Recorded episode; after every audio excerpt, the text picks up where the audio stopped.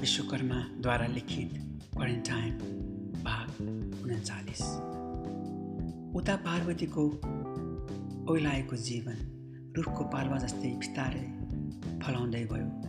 दिन काट्ने बाटो बन्यो उनको पार्ट टाइम जब त्यसको आम्दानीले घर खर्चमा पनि अलिकति सहयोग भयो। राजीवले छाडी गएको केही बचत पैसा र सरकारी बद्दा थपथाप भयो दैनिक खर्चमा। नजिकैको वालमार्टमा विनयले पनि काम पायो अब। जसरी तसरी गुजारा गर्ने बाटो खुल्यो अब त। आखिर जसरी भए पनि बाँच्नै पर्ने। कोरोनाले खाप पारेको विनय र पार्वतीको जिन्दगी अब क्रमशः सँगैदै जाने थालेको छ। यसको लागि सुई समेत निर्माण भइसकेका छन्। अब मानिसहरूले अनाहकमा जीवन समर्पण गर्नु पर्दैन भन्ने विश्वास लाग्न थालेको छ।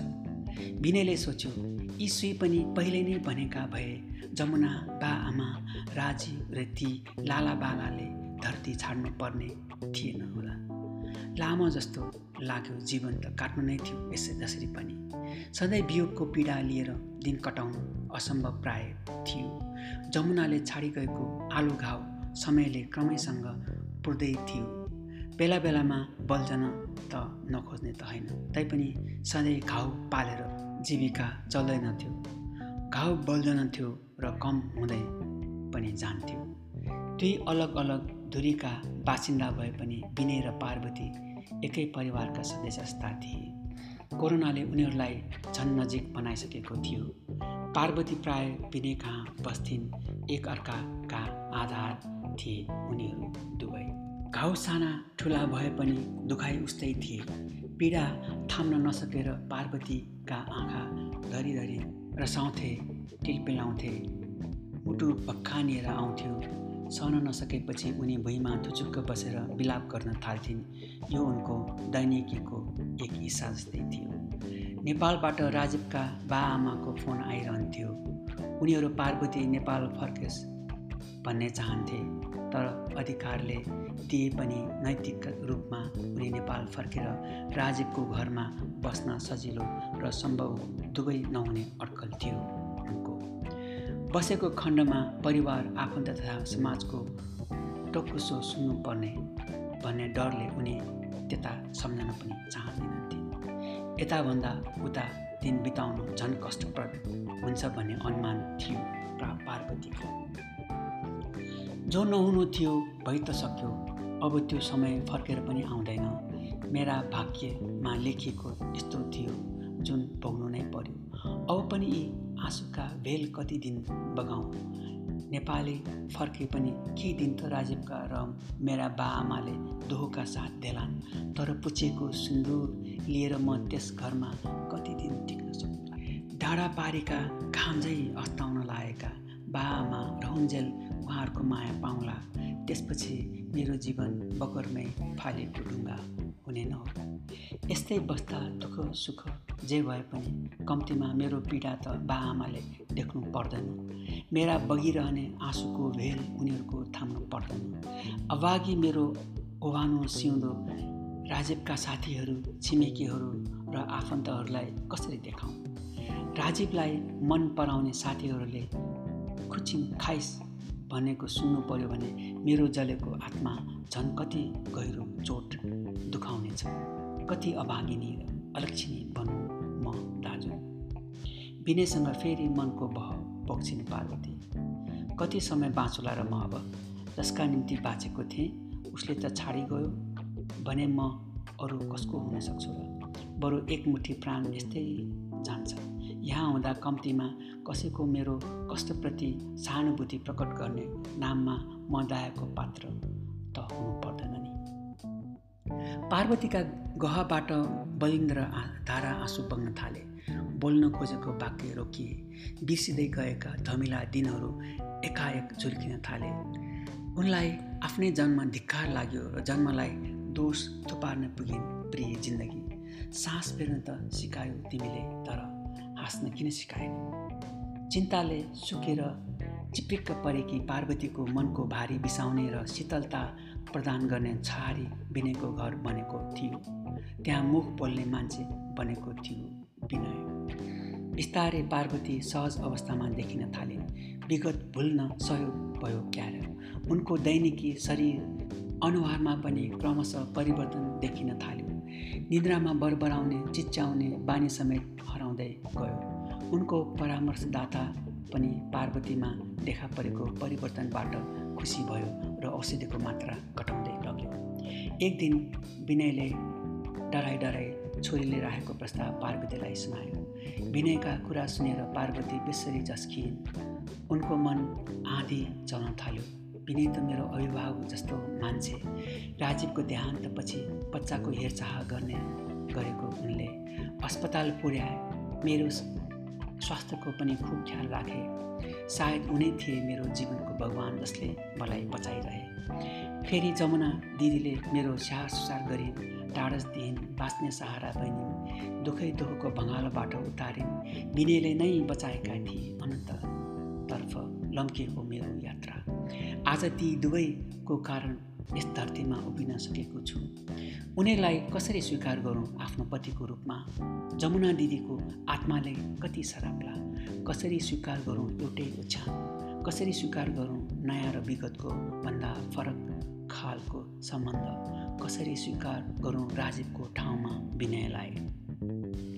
विनय पनि धर्म सङ्कटमा पर्दै गयो। उसलाई पनि पार्वती समक्ष प्रस्ताव राख्नु गलत भयो कि भन्ने त्रासले लखेटिरह्यो। पार्वतीलाई सहयोगको हात दिएको थियो तर जीवन नै दिने कल्पना गरेकी थिएन उसले पनि। विनय आफैभित्र पिरोलिरह्यो छटपटायो। उसलाई यस्तो सम्बन्धमा बारेमा सोच्नु पनि हुँदैन भन्ने लाग्यो। एक त विधवा नारी जसले आफ्ना पति र काखका दुवै सन्तान गुमाएकी छन् ओइलाउनु नपाएको आलो घाउमा कसरी कल्पना गरौँ नयाँ सम्बन्धको गाँठो? पार्वतीका उमेर सरहका त आफ्नै छोराछोरी छन्। समाजले पनि कसरी स्वीकार गर्ला हाम्रो सम्बन्धमा धागोहरू? समाजमा कसरी नयाँ परिचय गराउँ पार्वतीलाई? आखिर विदेशमा बसे पनि संस्कार त उही नेपाली नै हो। पछाडि कुरा काट्ने। मैले पछाडि मलाई घृणा गरेको कसरी सहनु मैले? बिर्सनुपर्छ मैले यी सबै त यी यस विषयमा मैले कल्पना समेत गर्नु हुँदैन। आखिर मेरो आधा जीवन त बितिसक्यो छ बाँकी आधा उमेर जमुनाको याद र उनको प्रेमको सम्झना गरेर बिताउनु सक्नुपर्छ मैले। बिनेका रात बासी भए धेरै दिन। यस्तै यस्तै सोचाइमा डुबिरह्यो। पार्वतीको भरभराउँदो उमेरको बारेमा सोचिरह्यो। विदेशको माटोमा कसरी गुजारा गर्न सक्छिन् बिचरी एकल अबला नारीले। पुछिएको सिउँदो लिएर नेपाल पनि कसरी फर्कने? निभेको दियो लिएर जा राजीवको घर कसरी प्रवेश गर्ने? दुःखका यी सागरमा तैरिरहेका बेला वृद्ध वृद्धा बा आमालाई झन् के दुःख दिने? यस्तो कष्टको घडीमा पार्वतीलाई साथ दिनु मानवीय धर्म हुनु जान्छ। पार्वतीलाई साथ चाहिएको छ यति बेला बाँच्ने आधार चाहिएको छ। राजीव र लालाबाला बिर्साउने उपायहरू चाहिएका छन्। आखिर पार्वतीले पनि पराईको आँखाले हेरेकी कहाँ हुन् र? जीवनका झन्झन कठिन उकालाहरू त अझै काट्ने बाँकी नै छ। कति दिन आँसु बोकेर जिउने पार्वतीको कलिलो उमेरले। विनयले मन बलियो बनायो। पार्वतीको बाँच्ने आधार बन्नुपर्छ। मैले उनको साथ साथ दिनुपर्छ। आखिर आफूले रहरहरू त्यागिदिँदैमा मात्रै जीवनका जटिलताहरू छुट्टी जाने होइन रहेछ। विनयलाई लाग्यो यो निराशावादी माया बाँड्ने समय होइन। यो त प्रेरणा र स्नेह सकारात्मक माया बाँड्ने बेला पो हो त। यति बेला एक आपसमा सद्भाव मित्रता शान्ति र समझदारी बाँड्नु सबैको कर्तव्य पनि हो। पार्वतीका दुहिँदै गएका आशाहरू पलाउँदै जाने थाले। धमिलिँदै गएका भावनाहरू सङ्लिँदै गए। ओझेल पर्दै गएका भविष्यका रेखा खुल्दै गए। समयका बाछिटाले आलो घाउ ओइलाउँदै जान थाल्यो। पल्टाउँदै जाँदा समयका पानाहरू मध्यपृष्ठबाट अचानक गुमनाम बनेपछि जिन्दगीका रुमानी अक्षरहरू भेटिँदै जान रहेछन्। राजीवको सम्झना क्रमशः धमिलो हुँदै जाने थाले। राजीव आकल मात्र देखिन थाल्यो सपनामा रगतको नाताभन्दा भावनात्मक नाता झन् गाढा नजिक र अमिट हुँदो रहेछ। पार्वतीलाई यति बेला कुनै साथ चाहिएको छ। समाउने लट्ठीको आवश्यकता छ। जीवनको रुख चढ्न दरिलो हाँगाको आवश्यकता छ। दरिलो अडेसको जरुरत पनि छ। जसरी पनि जीवनको उकालो अझै उक्लो थियो दुवैले जीवनयात्राका क्रममा लागेका चोट निको पार्नु छ। दुवैले सधैँ रोइ कराई गरेर चिन्ताको सगरमाथा बोकेर पनि बाँकी जीवन गुजारा गर्न कठिन नै हुन्छ। यथार्थमा जीवन र जगतभन्दा रहस्यपूर्ण ग्रन्थ अरू केही हुन सक्दैन रहेछ भन्ने विश्वास लाग्यो पार्वतीलाई। अब भने उनी परिवर्तन भइन् सोचाइमा र मन बलियो बनाइन्। संसारमा बाटोहरू अनगिन्ती हुँदाहुँदै पनि पार्वतीले यही बाटो रोज्नु पुगिन्। समयको कठिन बाटो।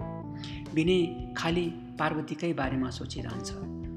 सोच्छ अब राजीवको सिन्दुर बिराउनु हुनुपर्छ। समय र काल फेरिँदै गए पनि भित्री मनको कुना ऊ बस्ने ठाउँ सुरक्षित रहे पनि लामो यात्रा अझै बाँकी छ। उसैको नाम जपेर पारोलाई कष्टकर जीवन बिताउन सजिलो छैन। यसरी हुन्छ राजीवलाई भुल्ने बाटो पत्ता लगाउनु अबको कर्तव्य हो पार्वतीको you